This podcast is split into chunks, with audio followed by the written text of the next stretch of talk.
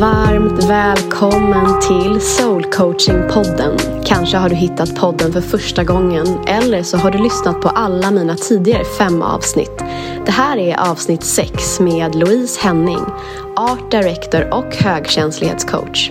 I det här avsnittet får du vara med när jag möter lilla Louise. Jag får också höra Louise svära och säga fuck you, vilket jag tyckte var jävligt skönt. Hoppas att ni ska njuta av avsnittet. Jag är säker på att ni kommer känna igen er och eh, hör av er om det är någonting som fastnar lite extra i er.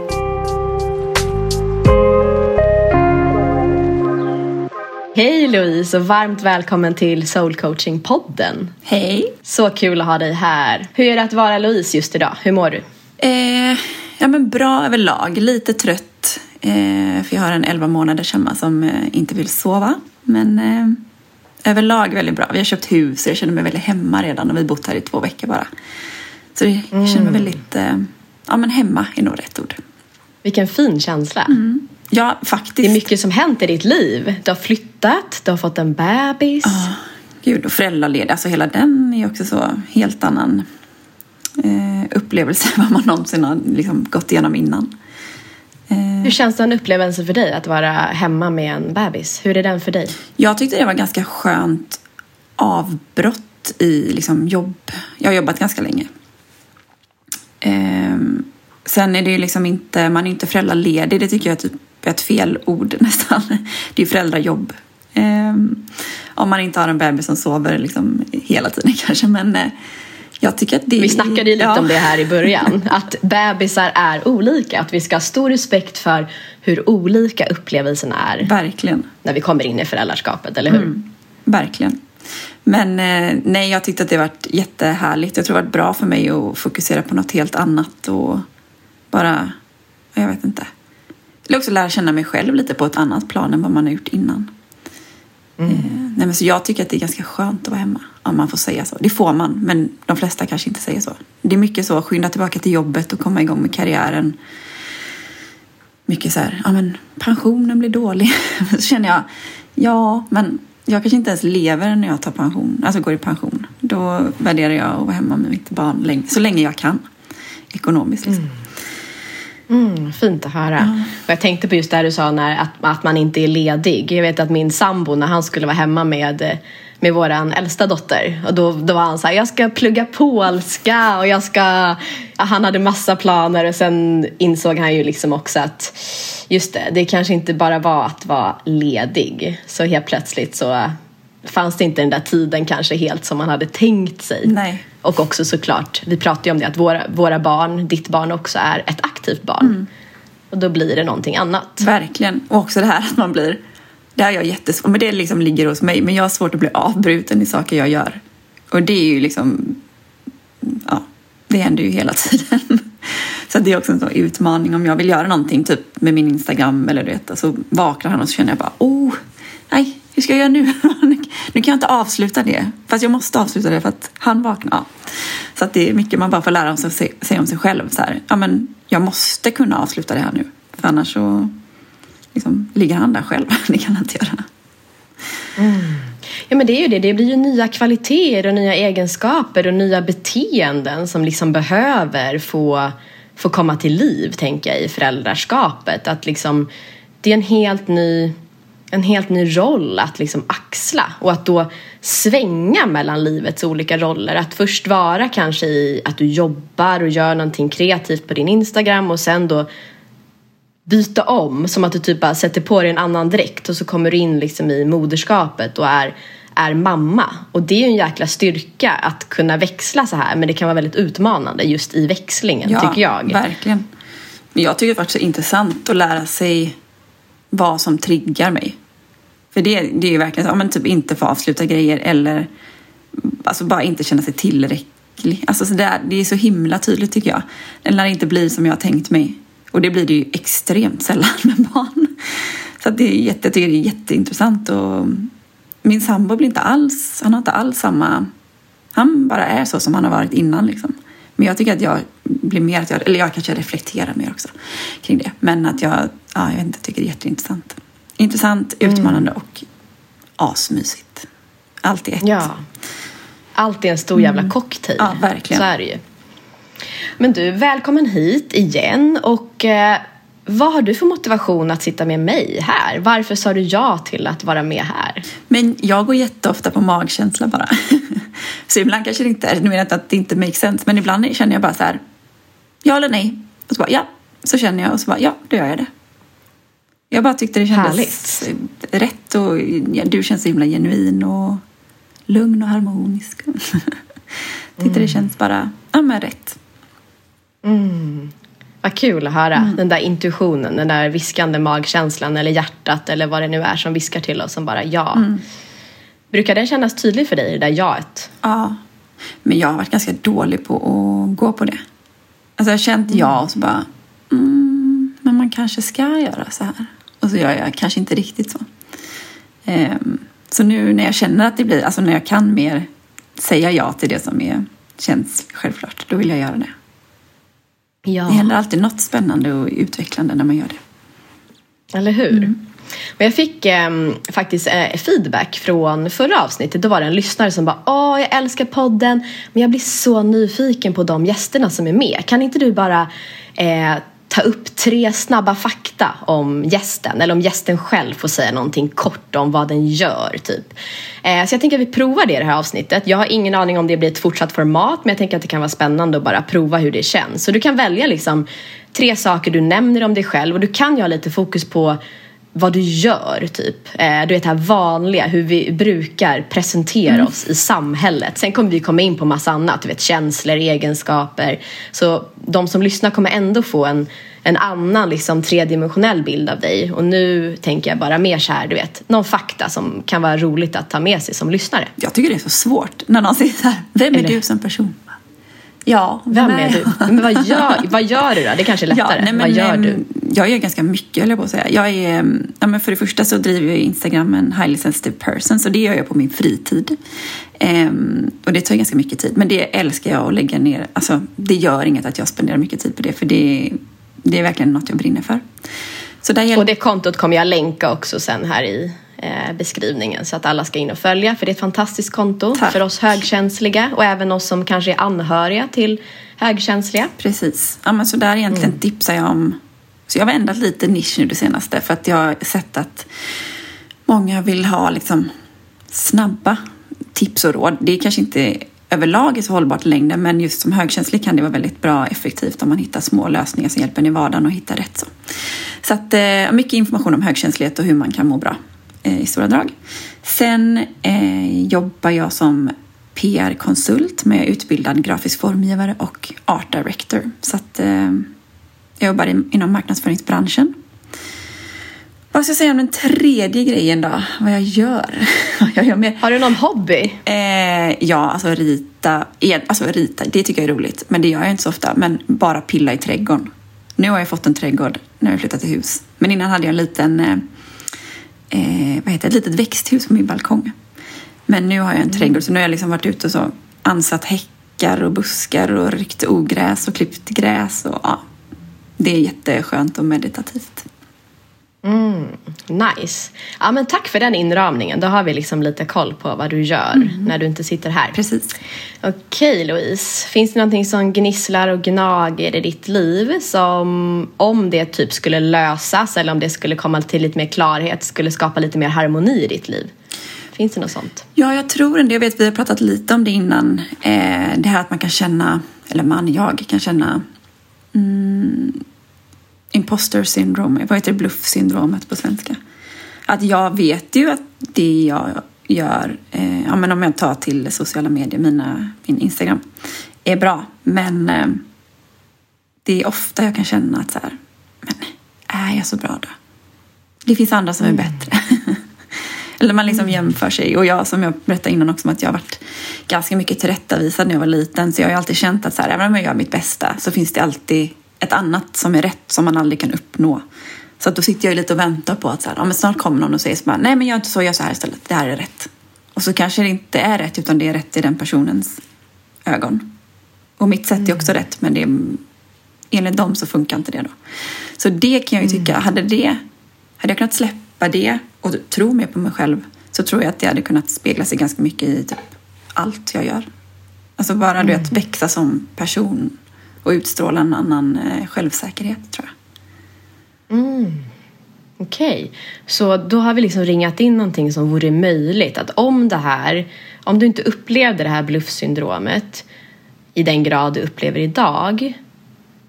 Vill du berätta igen, vad hade då varit möjligt? Och hur hade ditt liv sett annorlunda ut? Hur hade du märkt i din vardag, i din tillvaro? Hur hade du märkt att det här syndromet, eller man ska säga bluffsyndromet, inte präglade dig lika mycket? Vad hade varit skillnaden? Jag tror att jag hade vågat säg, alltså säga mer vad jag tycker och tänker. Och lita på att det är rätt. För nu tror jag inte att jag gör det. Alltså jag förlitar mig mycket of, eller ofta på vad an, att andra kommer med inflikningar så håller jag med.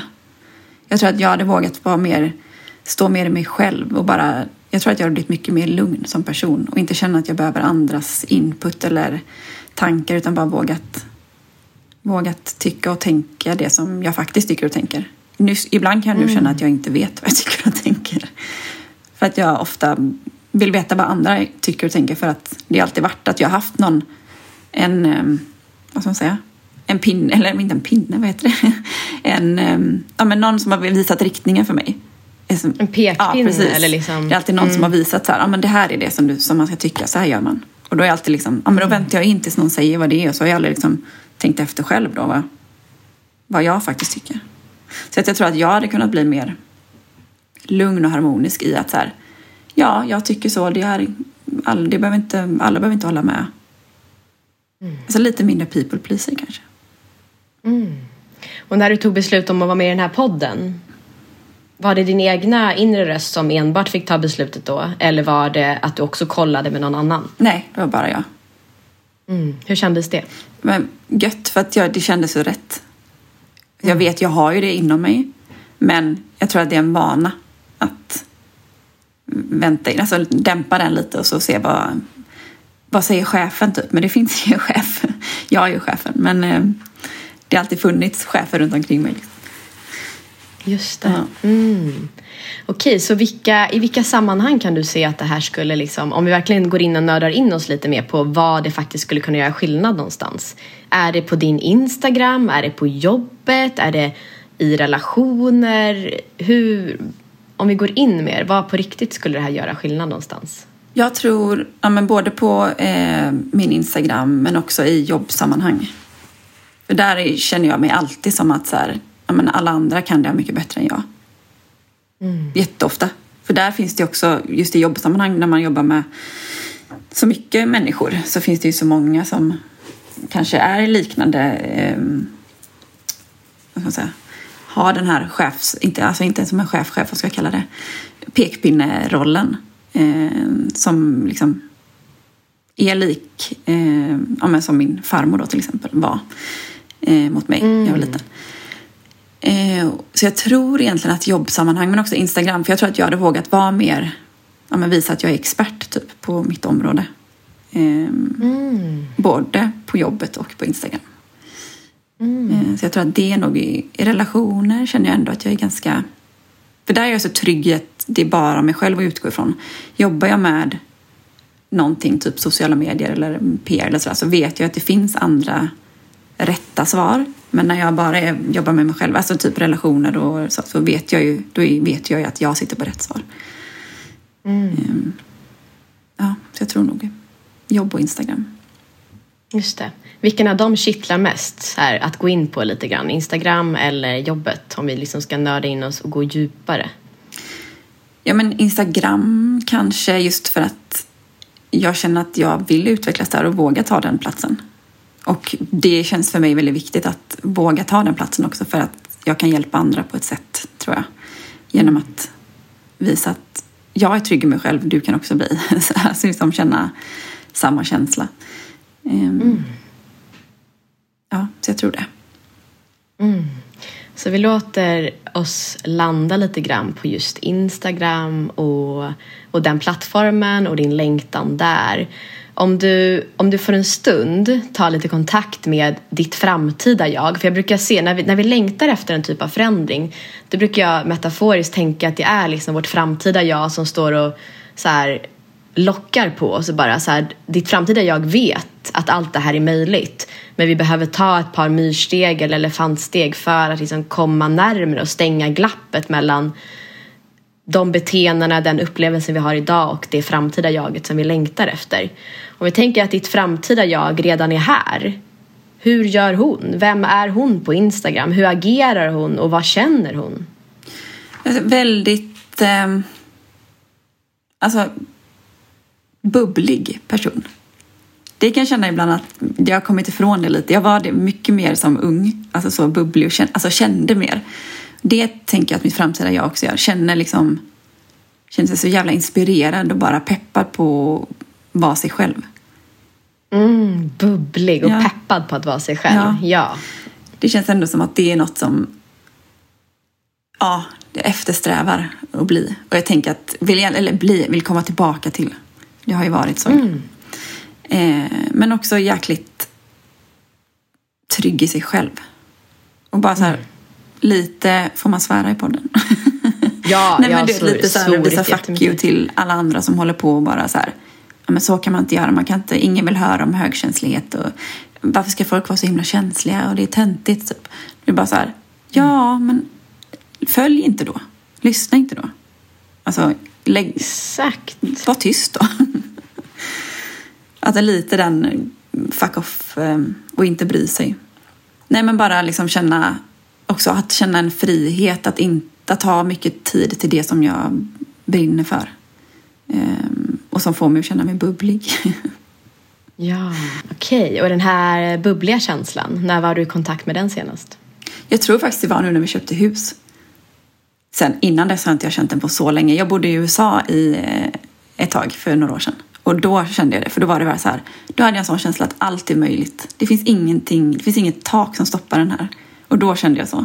Men nu kände jag också, det var liksom, jag sa det till min mamma att så här, men nu kände jag ändå lite av det här pirret och bubblet när vi köpte hus. För att jag, längt, jag vet att jag har pratat med henne om det och sagt att så här, jag har inte känt det på så länge.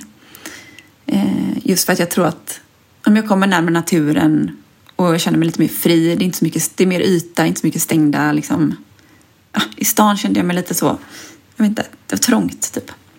Mm. Ehm, så att det var nog, ja, när vi köpte huset.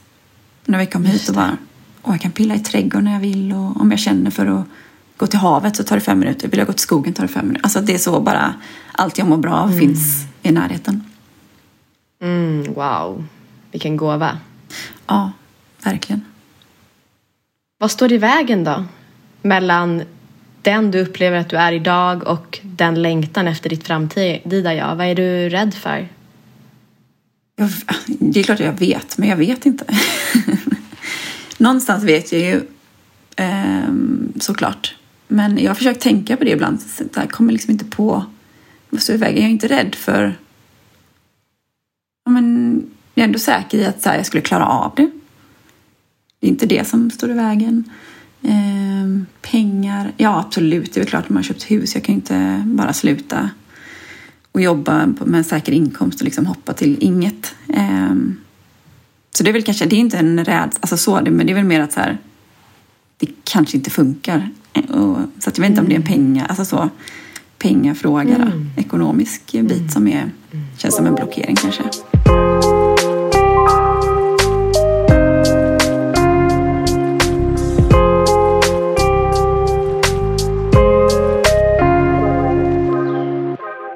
Vilka tankar har du om dig själv eh, som du kan se begränsar dig just nu för att kunna uppfylla det här? Jag tänker att jag kanske, ja men att det ibland kan kännas lite så här löjligt. Men ska hon hålla, håller man på med Instagram och spela in video på sig själv? Håller man på med sånt mm. när man är 35? ja men det gör man ju. Alltså, så här, det är inget konstigt. Jag gör ju det men jag kan nog vara lite rädd för vad folk... Jag har många människor omkring mig som är ganska raka och ärliga i hur de säger saker och ting.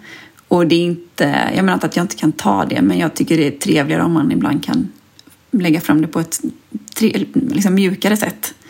Och det kan jag nog känna är ett lite så här, oh, jag orkar inte höra vad den personen tycker rakt i mitt ansikte när jag gör någonting. Jag kan tycka att det är lite, jag kan dra mig för att göra vissa saker på Instagram av rädsla för att jag ska få en kommentar kanske av en person. Den kommentaren, är den från din publik? Den publiken du vill ha? Är det den publiken du pratar med? Eh, alltså det här är, jag vet inte ens om den, de här personerna följer mig på Instagram. De är nog snokare ibland kanske. Men ehm, nej. Så det är inte egentligen din målgrupp Nej, som nej, nej. du är Alltså, rädd jag får, för? nej, bara kärlek därifrån. Alltså, det här är mer liksom min uh, umgängeskrets. Ehm, så att det är jag absolut, alltså, jag är inte rädd för någon på min Instagram egentligen. Eh, utan det är mer ja, men folk som faktiskt är viktiga för mig, tror jag. Du menar att det är de som du är rädd för ska tycka någonting? Ja. Eller? Nej? Jo, ja men jo. Alltså de får tycka det, men det är bara att jag tycker att det är jobbigt när någon tycker, alltså jag kan tycka att det är jobbigt, ja men det knyter väl tillbaka till det här med min farmor att när man gör fel så blir det jobbigt typ. Ja. Och enligt det är ju inte fel, de tycker att det är fel då, men jag tycker inte det, men jag kan ju inte stå upp för mig själv då. Mm. Här har vi en sanning. Jag kan inte stå upp för mig själv. Mm. Hjälper den sanningen dig just nu? Nej. Eller alltså, jag skulle egentligen behöva säga till mig själv, jag kan stå upp för mig själv, men jag är in, inlärd att jag inte kan det, tror jag. Mm. Så vi vill ha en ny inlärning? Ja, gud, gärna. Mm. Ja, så vi är liksom redo att rensa ut den här gamla inlärningen Mm. och börja programmera, programmera om nytt. Ja, och jag och min syster, vi har lite samma upplevelse då. Ehm, vi pratar jättemycket om det här. Och liksom verkligen analysera varje gång det händer någon sån sak som vi känner skam eller du vet att man har gjort fel. Så pratar vi om det och bara så här, det här är så knäppt. Alltså vad är det för beteende? Men man känner fortfarande den känslan för att man hamnar direkt tillbaka till liksom sexåriga Louise då liksom i den situationen. Men Såklart. man är ändå medveten om det, att det sker. Mm. Ehm, Hur tar du hand om den där sexåriga Louise när det här väl sker? För det kan ju vara smärtsamt liksom. Hur tar du hand om henne? Nej, men jag brukar bara försöka tänka att så här, ja men hon, min farmor då till exempel, ehm, hon har blivit uppfostrad på samma sätt så som hon behandlar oss och hon har haft det skitjobbigt. Det är inte en ursäkt men det kan vara en förklaring till varför hon beter sig som hon gör och hennes ord är inte lag. Alltså det kanske funkar för henne men det betyder inte att det är rätt och det är inte så jag behöver göra. Utan bara försöka här, få lite distans till det och bara tänka att så här, ja, nu håller hon på så där igen. Då får hon väl göra det då. Men Mm. jag tänker inte ta åt mig av det. Eller försöka att inte ta åt mig. Men det är en övnings... eh, Det händer ju inte första gången att man bara så här, okej, vad bra, nu gick det över. Men ehm, Nej, just det. ja, så jag försöker ändå bara så här, ja, men prata lite med, med lilla Louise. Eh, och bara så här, Och nu, försäkra henne om att så här, la- du, du gör rätt. Ja, och att kanske ännu mer våga ta kontakt med lilla Louise. För nu la du mycket fokus på liksom att farmor, att alltså skapa förståelse och empati för henne och hennes liksom beteende. Men det som egentligen är, det är ju att lilla Louise längtar efter att bara få bli hållen och känna sig trygg. Även fast de här känslorna uppstår. Så att jag tänker också att den här otroliga empatiska förmågan du har i så här att du vill förstå din farmor och hon hade det jobbigt och det är förståeligt. Men att kanske försöka rikta den energin ännu mer till dig själv. Och omhulda dig själv i kärleken och liksom visa på att även fast du känner de här känslorna nu så är du trygg. Så att det nästan blir som att ditt vuxna jag håller ditt lilla jag för att också läka. Att det är inte farligt att känna de här känslorna och att det är en gammal, gammal, en gammal upplevelse som kommer upp. Vad tänker du om det? Att våga rikta fokus ännu mer om dig själv och om lilla Louise snarare än att förstå den andra parten. Är jättebra. Jag har inte ens tänkt på att jag gör så ju. När du säger det nu så bara, just det, jag vill ju bara typ förstå, eller liksom bara hjälpa andra då. Men jag hjälper ju inte mig själv. Som egentligen är Exakt. grunden till att man kommer växa. Bra tips. För det är ju, du har ju empati som en av dina superkrafter. Det kan vi också liksom outa, det vet vi att du har. Och det är en jättefin förmåga men många gånger kan den slå över. Så att vi liksom vill skapa så enorm förståelse för den andra personen. Men egentligen att våga, som du säger, våga rikta ljuset mot dig och ta hand om kärleken till dig.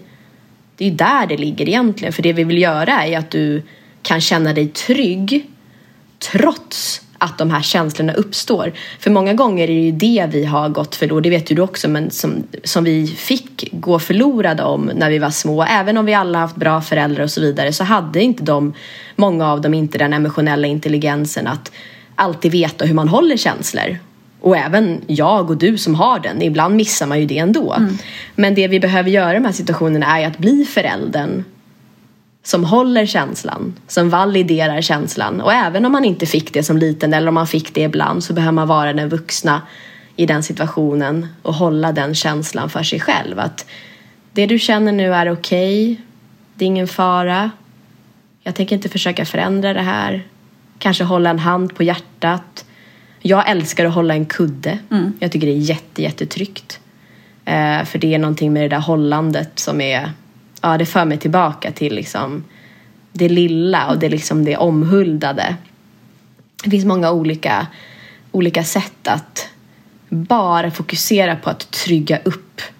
Trygga upp, trygga upp, trygga upp. För då kommer vi också våga göra igen. Även fast det känns skakigt så kan vi liksom bygga trygga vanor som vi kan ta till när de här känslorna uppstår. Mm. Vad väcker det här i dig? Ja, men, eh, det ska jag verkligen tänka på. Det känns som att det är så lätt för mig då att eh, rikta bort fokus. Men att jag måste... Jag, jag har ju tänkt att jag gör rätt sak nu genom att typ så, säga ifrån eller sätta en gräns. Men det man kanske egentligen behöver är ju bara att här, lite kärlek till sig själv.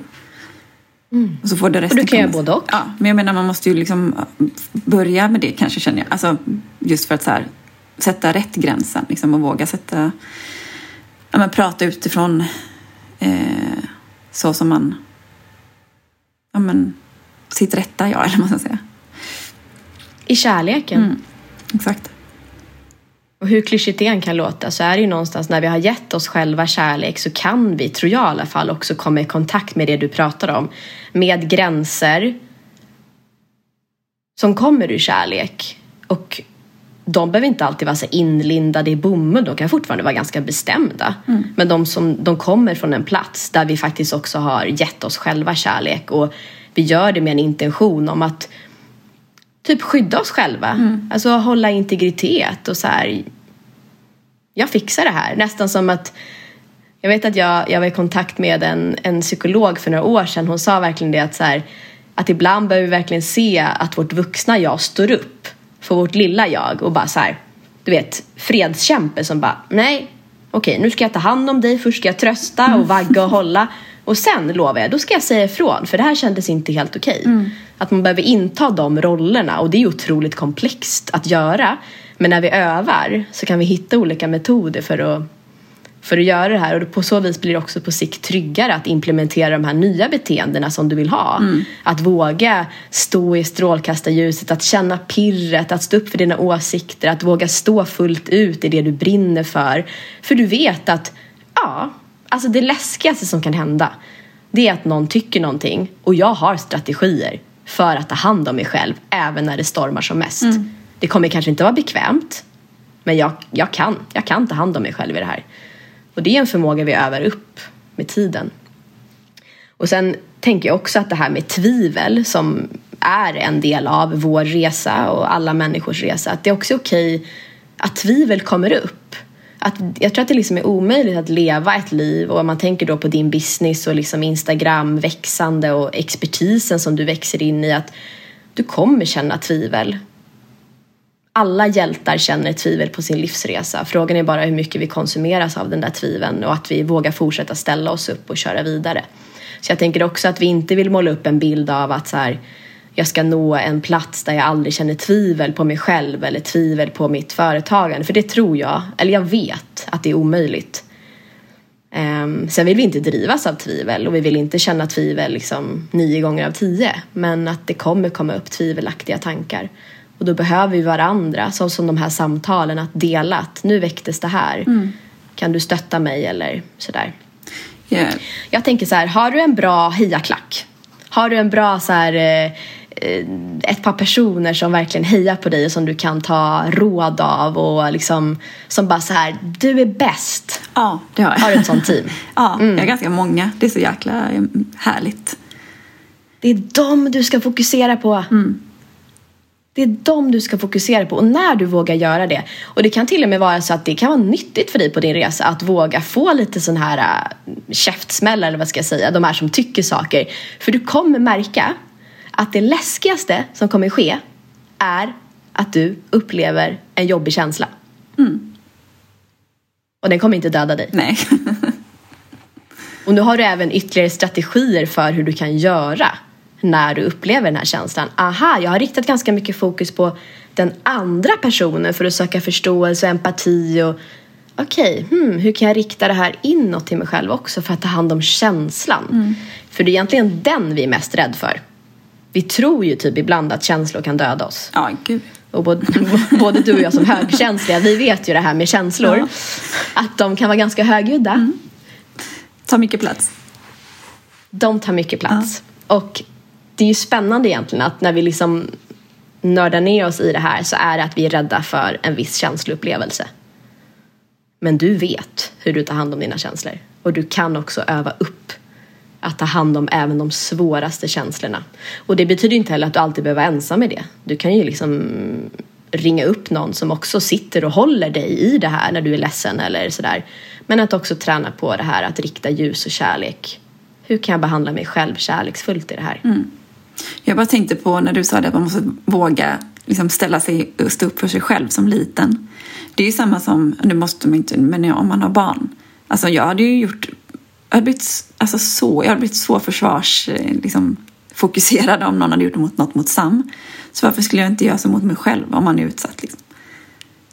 Exakt. Man hade tagit på sig den räddningscapen direkt, vad heter det? Cape? Ja. Mantel. Och precis den processen kan du spegla tillbaka till dig själv. För du vet hur du gör. Du sätter en gräns mm. och du håller känslor. Mm. Du sätter gränser och du håller känslor. Verkligen. Jag gjorde, det var, hände en grej ganska nyss eh, som bara fick mig helt ur balans med så här, någon som bara anklagade mig för en grej som inte var sann. Och då kände jag bara så här, då fick jag någonstans, brukar jag känna, liksom lägga mig platt och bara, ah, okej, okay, ah, förlåt. Och du vet bara, du vet, man glömmer av sig själv helt i det. Men då fick jag bara någon sån från sidan bara, nej, nu jävlar. Så då bara stod jag upp för mig själv och vet, jag visste att jag hade rätt i hela den här grejen. Och det var när jag la på sen, jag var som på mål, så kände jag bara så här, ja, kom an då, gör vad du vill, jag, kom igen, kör. jag, har, alltså, jag har allting på min sida, jag har rätten på min sida, så kom igen, kör vad du vill. Säg. Och det var så jäkla skönt att bara känna så här, du når inte mig. Det var svingött. Så jäkla bra. Ja. Där har du den där fuck you-attityden som vi också ska liksom ta in till det här framtida jaget. Vi har bubblet, vi har fuck you-attityden mm. och vi har också kärleken tillsammans med fuck you. Mm. Ett kärleksfullt fuck you. Ja, perfekt. Liksom. Mm, eller hur? Ja. Perfekt. För jag tänkte på det just det här, ibland kan vi nästan behöva uppleva det värsta som vi kan tänka oss hända. Eh, jag hade faktiskt en sån upplevelse, jag har inte pratat så mycket om den, eh, men jag hade en upplevelse, för jag kan verkligen känna igen mig i dig, vill jag dela också. Nu hoppar jag ur lite min coachingroll. Men jag kan känna igen mig i dig. Och jag hade en upplevelse för fem år sedan typ, ja, fyra år sedan, där det var en person som jag såg upp till jättemycket på Instagram som tyckte någonting negativt om vad jag gjorde. Och den här personen är ganska offentlig, jag tänker inte nämna namn. Eh, och det var som en så kniv först mm. in i mitt hjärta. För du vet, man har satt upp någon på en piedestal.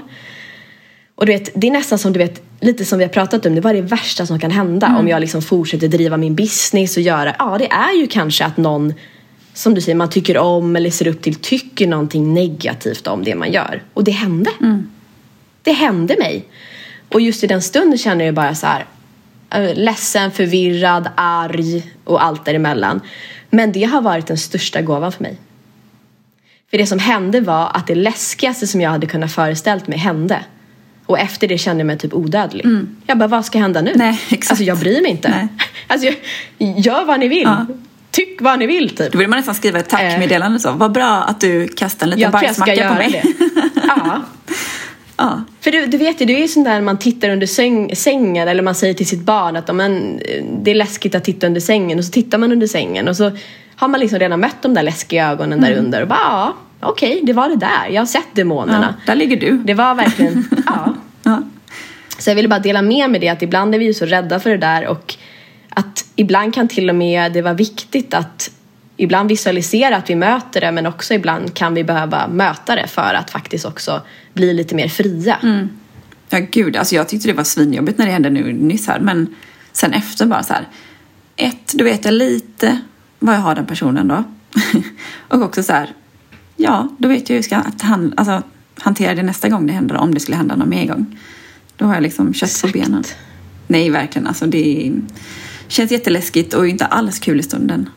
Man får ju så klump i magen och vill spy typ. Men eh, sen när man har liksom känt och tänkt igenom så landar man alltid i något som är... Alltså det är alltid en lärdom.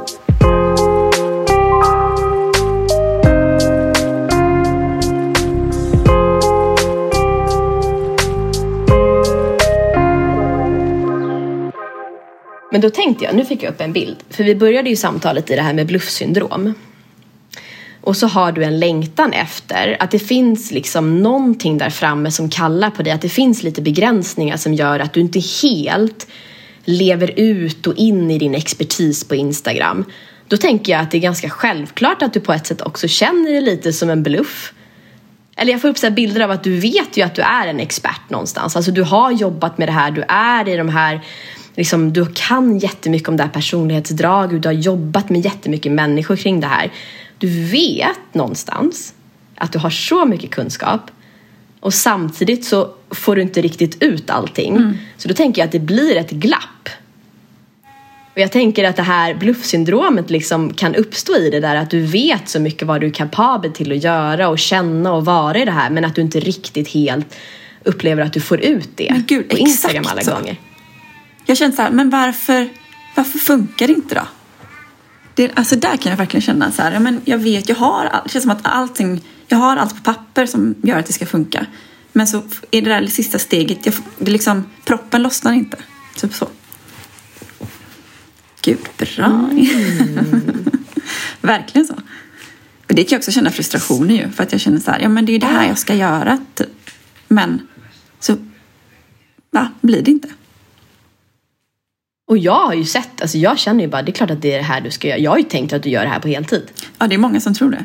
Men jag sitter ja. ju, nu, too much information, men alltså det har varit så här, medan vi går på toaletten så bara, då lägger jag ut en post. Och sen går jag liksom iväg och jobbar. Mm. Och så socialiserar jag på lunchen och så på kvällen och så. Nu har jag liksom postat medan Sam sover. Alltså det är verkligen så inemellan. Just för att jag vill inte släppa det. Jag hade kunnat släppa det helt för att jag inte hinner men jag känner att så här, jag, måste, jag måste hjälpa andra att må bra. Det är så många som lider i tystnad som är högkänsliga. Som, och som oh, inte vet ja. om det. Också speciellt unga vuxna skulle jag tänka mig. Hormoner och hela, mm. ja mm. oh, gud. Verkligen. Mm. Den här proppen mm. som inte riktigt lossnar. Den här slemproppen för att gå in på förlossningsspråk. Eh, om vi tänker myrsteg, vi tänker inga så här liksom, jättekliv, vi tänker bara myrsteg. Om vi tänker att vi har den här lilla proppen som vill lossna och så tänker vi myrsteg eller liksom en myrputt som puttar ut den här proppen. Vad skulle ett sånt litet myrputt vara för att få den här proppen att bara... Det kan, det kan vara vad som helst. Pyttelitet. Alltså, det är absolut inget myrsteg. Men jag har eh, signat upp på en kurs och blir livscoach. Och att jag liksom tar första lektionen då får väl vara ett myrsteg. Inte att jag är klart hela kursen. Eh, det tror jag kan hjälpa mig jättemycket i, alltså inte trovärdighet, men du vet att man känner att man har kött på benen, att faktiskt kunna hjälpa på ett annat sätt än om jag bara utgår från min egen alltså, erfarenhet. Utan man har andra verktyg. Så det att ta första delen i den kursen då, får vara ett myrsteg. Eh, Fantastiskt! Ja, jag tror det kan hjälpa både mig själv men också mycket i framöver. Och coacha andra. Det är ju helt magiskt. Ja, mm. det, det där, det, ja, och du är ju i en process där. Och det där kommer ju verkligen vara en viktig liksom, nyckel i att... Och jag vet ju någonstans att här, du har redan den kompetensen. Ja. Jag ser att så här, du har den redan, den behöver typ bara bli aktiverad. Mm. Ja, men jag kan känna alltså, att jag behöver lite så, du vet, att jag kan ge ut ver- vissa verktyg som behövs. Liksom. Så det tror jag kan vara en bra grej. Men sen känner jag ändå trygghet så här, jag förstår högkänsliga. Det, är inte, det har inte med det att göra utan det är mer att jag vill kunna ge, ge liksom arbets, ja, men övningar och sånt där som man kan tänka på. Det är mer så, sånt som jag är liksom ute och vill fylla på i min ryggsäck. Men, ehm, nej, jag är så taggad på att ta mig an coaching för högkänsliga. Så det känns... Där, då känner Men jag alltså, ju bubblig. där, ja, ja, där har du det. Men vad, mm, när börjar den här utbildningen? Eh, Den tar jag min egen takt. Så att, eh, nu ska min sambo vara hemma några dagar. Vi ska ta dubbeldagar. för Alla är föräldrar. Som. Men, eh, så då ska jag ta lite, jag, jag gör det lite in emellan. Sådär. Så att, eh, ja, kanske någon timme ikväll eller sådär. Någon timme här och där. Så det får ta sin lilla tid. Men eh, ibland har man mer tid så man kan lägga på det, ibland mindre tid. Så det får, bara, det får bli när det blir. Det får inte, annars blir det stressigt och då, vill man inte, då blir det inte bra heller. Man vill kunna sitta ner och bara ägna sig åt det. Just det, fantastiskt. Och då kommer du behöva provklienter framöver, eller hur? Exakt. Shout out Ja, till alla som lyssnar. Hojta Mm. till. Ja, nej absolut. Det är jättebra. Man får gärna hojta till om man är intresserad. Ja, Men då har vi liksom puttat den där proppen lite grann. Mm. Finns det någon, på något sätt du eh, kommer på sådär mer som poppar upp i dig? Så bara, ah, men det här skulle jag också vilja för att komma i djupare kontakt med bubblet, fuck you-attityden och för att liksom ännu mer komma in i det här framtida jaget. Någonting annat du kommer på sådär? Jag har alltid velat föreläsa. Alltså ut på Mm. skolor. Då, just för att jag, jag har jobbat jättemycket med barn på förskola och jag brinner väldigt mycket för barn och liksom mående. Så jag skulle jättegärna vilja föreläsa på typ högstadie, alltså gymnasium, alltså lite den eh, åldersspannet. Så att jag har mejlat eh, min gamla högstadieskola faktiskt. Nu har jag flyttat ut dit där jag är uppvuxen. Så får vi väl se om det kan lossna något där. Men eh, Mm. ja, det hade typ varit jätteroligt. Kul! Mm. Så det kanske är en liten, ja, men en liten bucket list behöver det inte vara, men en liten to-do att bocka av. Det hade varit kul. Mm, eller hur? Mm. Nu har vi kommit en bit in i samtalet. Är det någonting nytt som har vaknat i dig? Så här, någonting som du tycker att vände samtalet eller någonting som bara så här, men det här kommer jag tänka på nu. Eller vad, vad är levande just nu hos dig? Nej, men jag bara kände när du sa att det här lilla, ja men proppen liksom, det där, att det var så här, ja, men vad fasen, det är ju det som är, det har jag ju tänkt på hela tiden, varför kommer jag inte på det? Det var när du sa det som det blev Just så det. självklart. Att det där är Ah. verkligen så, det, ja, men för det är också en frustration, det kan jag nog tänka, att man ser alla andra som, ja men typ har tusen följare på Instagram, nu är inte det avgörande, men liksom att de jobbar heltid med det. Men varför kan inte jag göra det då? Vad är det som liksom hindrar? Ja. Så att, ehm, nej men så det känns som en sån, vad heter det på svenska? Ja men uppenbarelse. Just det. Mm, vad härligt att höra. Lite mer klarhet Ja, liksom. verkligen. Och eh, vad tänker du om den processen då? Om, om du ser att det, det skapas en frustration och att hur kan vi använda den frustrationen som energi? För jag tänker att alla känslor är ju energi så att den här frustrationen kan ju också omvandlas till energi för att komma närmare och komma framåt. Vad, vad, ska den här, vad vill den här energin göra? Vad ska du göra?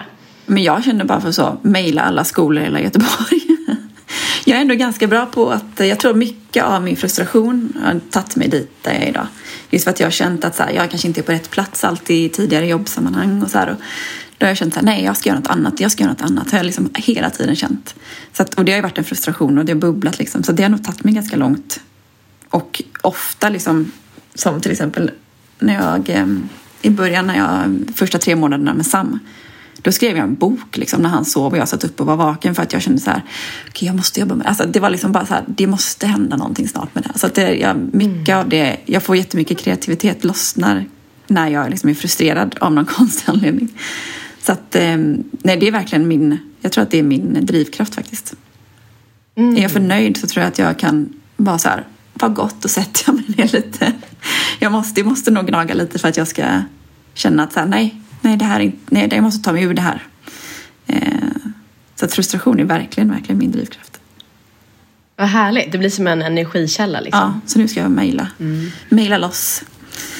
Mejla, mejla, mejla, Ja, mejla. verkligen. Mm. Vad tar du mer med dig från det här samtalet? Vad, vad har landat i dig? Nej, men jag, äh, jag känner mig bara väldigt lugn. Ett- Bara så här, ja men nu vet jag lite vad jag ska, jag ska tänka och fokusera. Det tycker jag är jätte, det kanske låter tråkigt men alltså jag det är jätte, värderar det jättehögt. Ett lugn. Det är sällan, ja, just som högkänslig också, man får ju, känner ju väldigt starkt när man träffar andra så här, vad man får för, vad man tar med sig för känsla. Men här var det väldigt bra, väldigt bra känsla. Så jag tar med mig det. Det tycker jag känns, eh, det kommer göra min dag att jag känner mig mer så harmonisk tror jag. Det är alltid härligt Ah, Gud, att träffa härligt. andra som man, ja men du vet, som man delar energi av, inte som man liksom tar på sig energin utan som man bara så här, vi har samma, ja, det känns samma vibration typ. Mm, gud vad underbart. Och om du ger mig tre to-dos som du ska göra efter det här samtalet som liksom har vaknat efter det här samtalet. Vad är, det? Vad är dina actions? Eh, det kanske inte är to-do direkt nu men faktiskt tänka på att ge mig själv mer kärlek och inte, inte prioritera andra lika mycket som jag gör. Eh, ja, ja, den ja, är viktig. Ja. Eh, faktiskt titta upp skolor som jag skulle vilja föreläsa på. Och eh, planera in tid för min livscoachutbildning. Det är lätt att jag tänker så här, ja men jag gör det någon gång i veckan när min sambo är ledig. Men jag faktiskt planera in, annars blir det inte av. Jag tror. Fan vad grym du är. Tack. Du med. Hur känns det är den du som här? har fått det att lossna.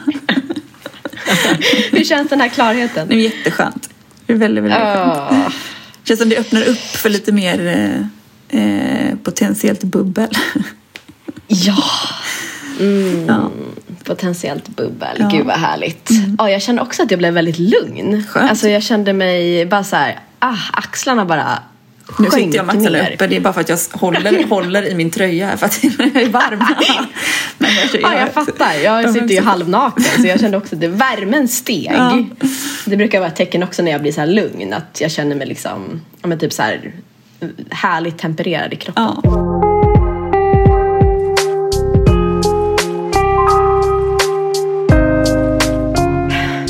För dig. Jag tänker så här, vi avslutar i den där liksom bara lugna härligt harmoniska andan. Och tack för att du gästade Soul Coaching-podden. Det har varit så kul att ha, ha dig med. Och tack till alla som har lyssnat på dagens avsnitt. Jag är säker på att ni plockar upp godbitar och blir inspirerade av denna fantastiska kvinna. Och jag länkar även hennes Instagram så ni får gå in och kika där. Stort tack! Puss och kram! Thank you.